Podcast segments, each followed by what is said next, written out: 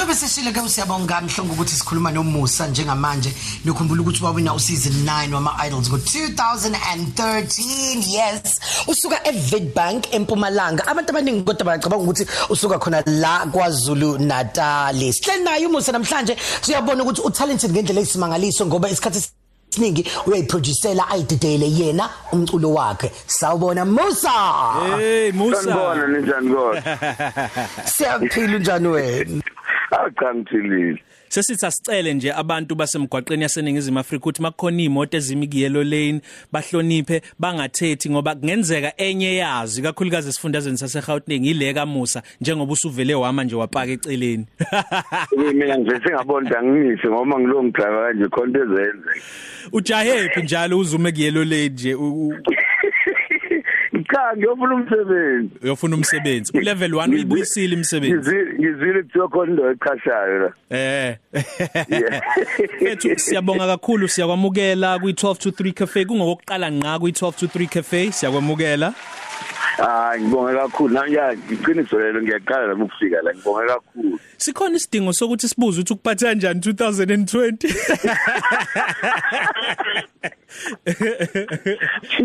Sithi mase sikhuluma iqiniso khona umuntu ongasabuzwa nje leyo. Yey wena o naba nje o o, Mark Zuckerberg nabanye osomabhizinisi bakwazile ukuceba. Kwazi ba mhlambe nawe izinto zikuhambele kahle nje.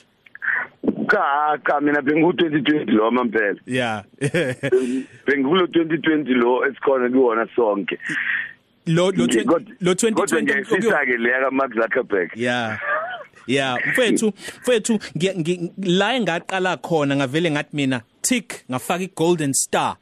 Ingesikhathi kule yanhlolo khono esingesibize ngegama italent search ngo 2013 season 9 wakhona. Usuyilungisile ingoma yakho Maxwell Pretty Wings uyangena azishe awungiphinde nje futhi ngayo nje le le le ngoma ngoba ngazi ukuthi wayi- wayicula ukudlula yena uMaxwell uqobo lwakhe Acha ungabe ungilwisa nabanikazi bezi. Eh? Time will bring the real end to your trial. One day there'll be One day there'll be no remnants, no trace, no, No residual. residual. Feelings that then, yeah. One day you will remember me. Your face will be the reason I smile. But I will not see what I cannot have forever. Ngiyeka lapho. Hayi awukafi awukafiki ku yo awukafiki lapho. Hayi. Yabona lapho ke yila inkinga iqala khona. Yona njengoba ngise studio usuku bonke. Yeah.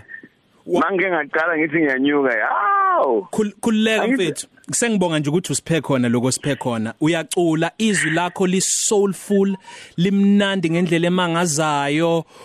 Uzizwa unjani ukwi industry mhlambe edominator idance kodwa nje wena uloku uhlalile la ku soulful isiqi esinensayo kodwa esihamba nalomongo omnandi kakhulu obizwa nge soulful uyalingeka kwesinye isikhathi ukuthi nawe awubuye ushintshe Eh cha bengingako bengingakabi ukufika la ngilingeka khona. mm Eh I think ngikhule ngikhule ngumuntu oyithandela yona isoul. mm And eh, mina inkolo yami ukuthi into umuntu okuyenza and wena uyenza ngoba uyithanda. Iyakunika yona indlela yayo, indlela ezophila ngayo. yeah. So i i music lo we dance ngiyawekunaleja ngiyawuthanda ngiyawumamela futhi ngithola isikhathi. yeah. Kodwa kakhulukazi mina i- i- yiyo le ngifuna ukuyenza. And isifiso sami ukuthi kube khona abangilandelayo nabancane mm. abazothi mebekhula ngoba nami mangishiya futhi siyayishiya sonke yeah yeah. And eh, kumele ihlale iphila. So mina ayikho into engithanda nje ukuyibona iphila. I-afro soul ngendlela eyisimanga. Yeah yeah.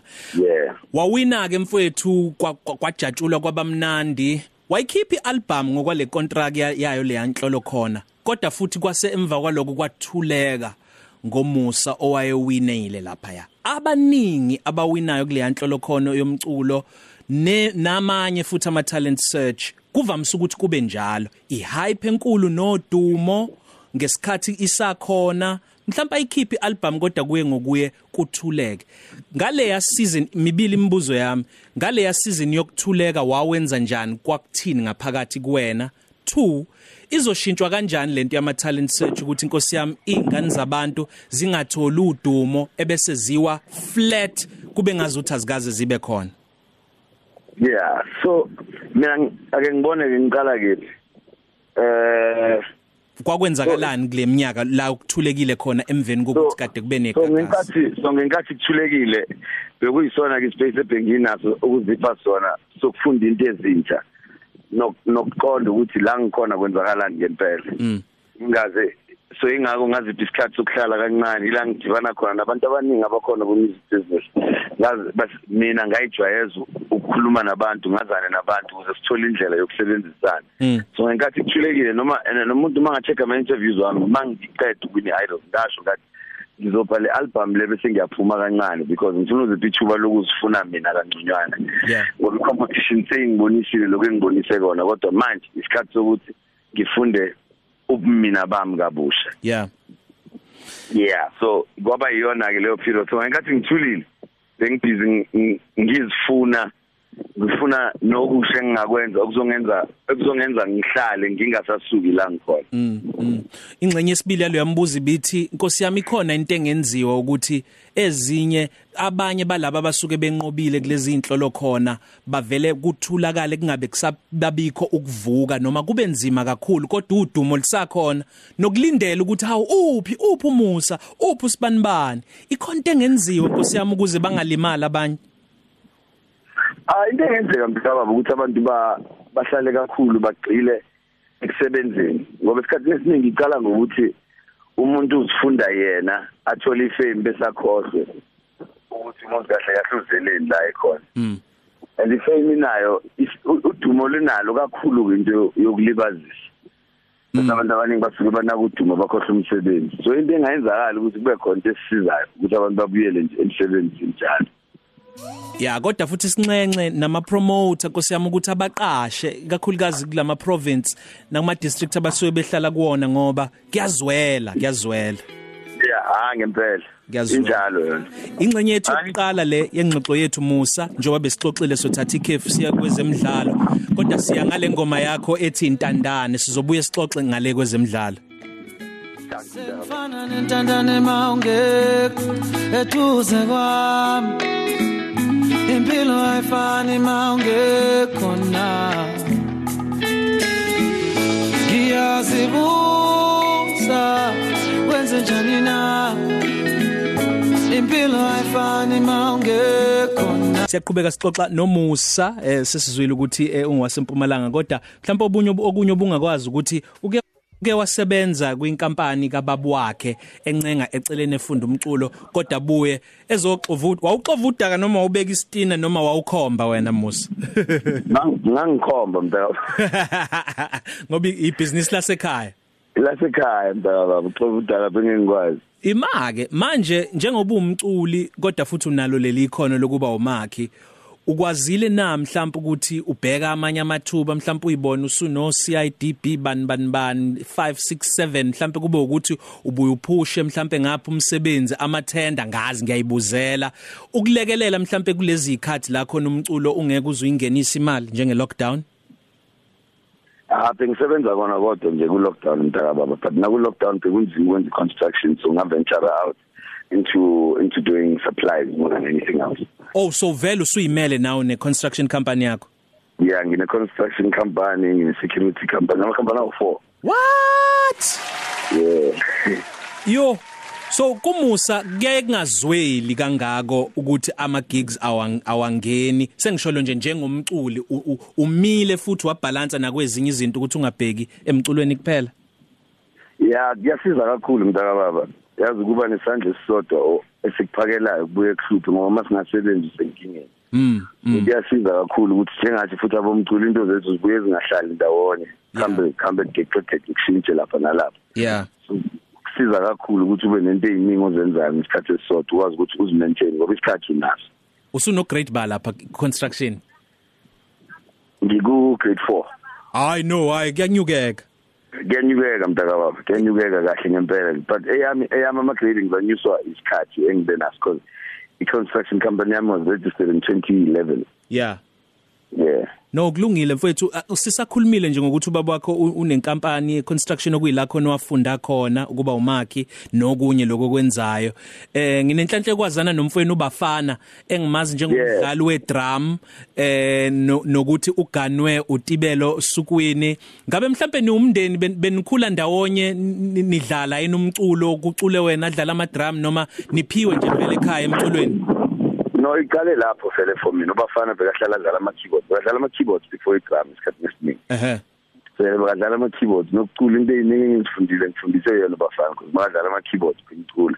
So yonke into ebhekayicabanga bekayiculisa mina yeah ize ngifike la ngikhona khona namhlanje. Yo manje igospel angakakuzwa ukhipha yabo nje kwialbum yakho lena ethi eh, Mr Serious noma ukwenza ngamabomu ukuthi uvele uqhelelane negospel u- ugcile nje kuphela kwiafro soul? Cha i-album yami edlulile ngiyenzile ingoma yegospel eyodwa ngifeature usupport suite Oh yes yeah Yeah. kodwa kukhona la esiyoke sibone khona mhlawumbe uvele uvele ukhiphe nje egospel kuphela album bengingakabe bengingakabe ukufika lapho mntakaba mina ngiyacabanga ekuhambeni kwesikhathi. Yeah noma ngizoyenza album yegospel angeke ngibe ngedwa mhlawumbe ngizoyenza ngibe nama-collaborations amaningi kuyona yeah yeah yeah. Ube nabahlobo abaningi eh, kwi-industry ababili babo abangasekho emhlabeni ngifuna ke sikhulume ngabo nokuthi benobudlelwano obujani walimala kangakanani wena uma behamba emhlabeni? Oqala uRobbie Malinga eh owesibili eish madoda uThami Shobed yeah yeah yeah um yabona futhi ngizoqala kakhulu ngorob eh urob urob umuntu engisebenza naye awubhuti awumngani awubaba ngesikhathi esisodwa. Ayi-producer futhi ayiko konke kumina futhi urob so kwaba nzima kakhulu futhi ngiphile naleyo nto leyo yokwazi ukuthi sekumele ngivuke ekuseni ngiyofunda kabusha yonke into. And zange ngifunde kabusha futhi kahle kahle ngixolise ngibeke kahle. Yonke into uRobert kangifundise yona ile ngisebenza ngayo manje. Um uRobi wa uRobi impact yakhe kumina. Hey ntakababa ayi ayichazeki futhi indaba kaRobi namhlanje khona la nginokuhlala ngisho ukuthi yazi uRobi ngabe bekhona ngabe sesenze kanje senza kanje. Mm senza kanje. uThami uThami sazene isikhathi esincane zange sazene isikhathi eside kakhulu sinothami. Yeah. Sazene sazene isikhathi esincane kodwa kodwa isikhathi esincane sibe naso isikhathi esiningi futhi sihlanganiswa umculo nothami yeah.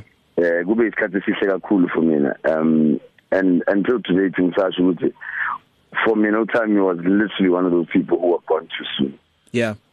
Yeah. Kuyiqiniso lokho mfowethu gone too soon and ayikho nje futhi enye into esingayibeka indlela esingabeka ngayo kukuvele kwamukela ukuthi sekwenzekile. Yeah. Injalo mntaka Ngike ngakunaka ngesikhathi uba i-guest judge kuyo lenhlolo khono eh, owayiwina yomculo uPaula nawe lapha nalapha ya. Ngabona ukuthi hayibo kunomeluleki oyimento kakhulu lapha ya eh phakathi kuMusa ngabe mhlambe into ekhona leyo ngaphakathi kuwena ukuthi ulekelele abanye abasafufusa kuumculo kakhulu mntaka baba ayikho into engithanda njengokubona abantu abakhulayo emculweni. Nesikhathi esiningi mina mangimentorisha abantu ngoba ngumuntu oqiniso kakhulu.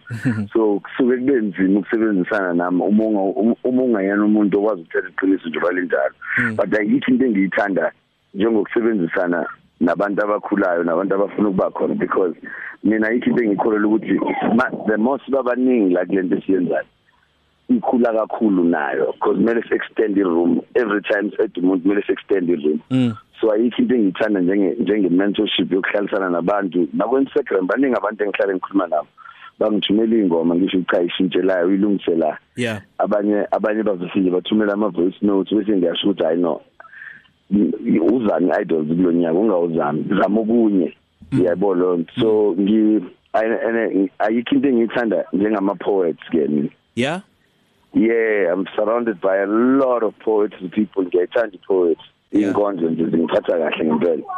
Aw- awunawo umthwalo mhlambe nentshisekelo yokuthi ukuyofukula lapha eWitbank esifundazweni sasempumalanga la uqhamuka khona mhlambe njengenye yeindawo ongathola ukuthi akhona amaciko kodwa ayinakiwe?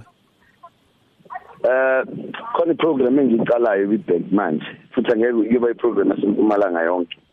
Um njengoba abantu bayenza i-taking taking taking a boy child to school or a boy child to school i want to take i want musicians to take.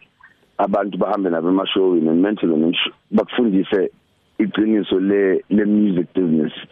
Ngoba ziningi into ezenzakalayo space into music so empumalanga ngifuna ukufundisa abantu i-business your music not just the music.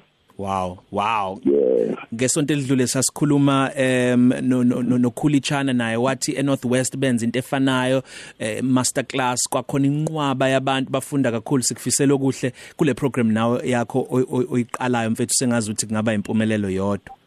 na ngibonge kakhulu mntaka Asivaleke ngomculo wakho wenzani njengamanje uhloseni uphekani singalindelani.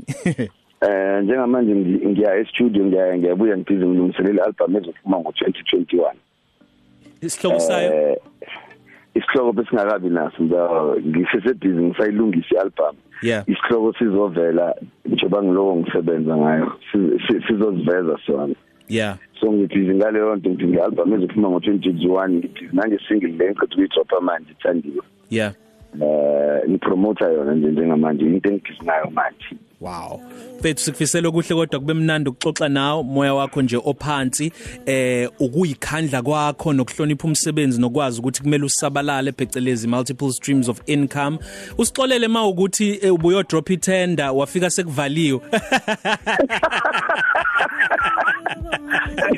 no khulileka mntaka khulileka khulileka bengingayo drop it ngathi ngiyo drop it mhlawumbe ngangiyubambanga ucingo Yabo? Siphuma ngale ngoma yakho noTsego AMG noNtsika ethi wozela Musa sibonge kakhulu mfethu ukuxoxa nawe. bonge mina kakhulu mntaka baba abantu abaye bayodownload isingle entsha iwo ithandiwe ikhona abangifunayo bangangifollowa ku-instagram at musa the voice my facebook is musa sugwene twitter at musa the voice Musa mfethu sibonge kakhulu. bonge mina kakhulu bhuti Sharp. ngithi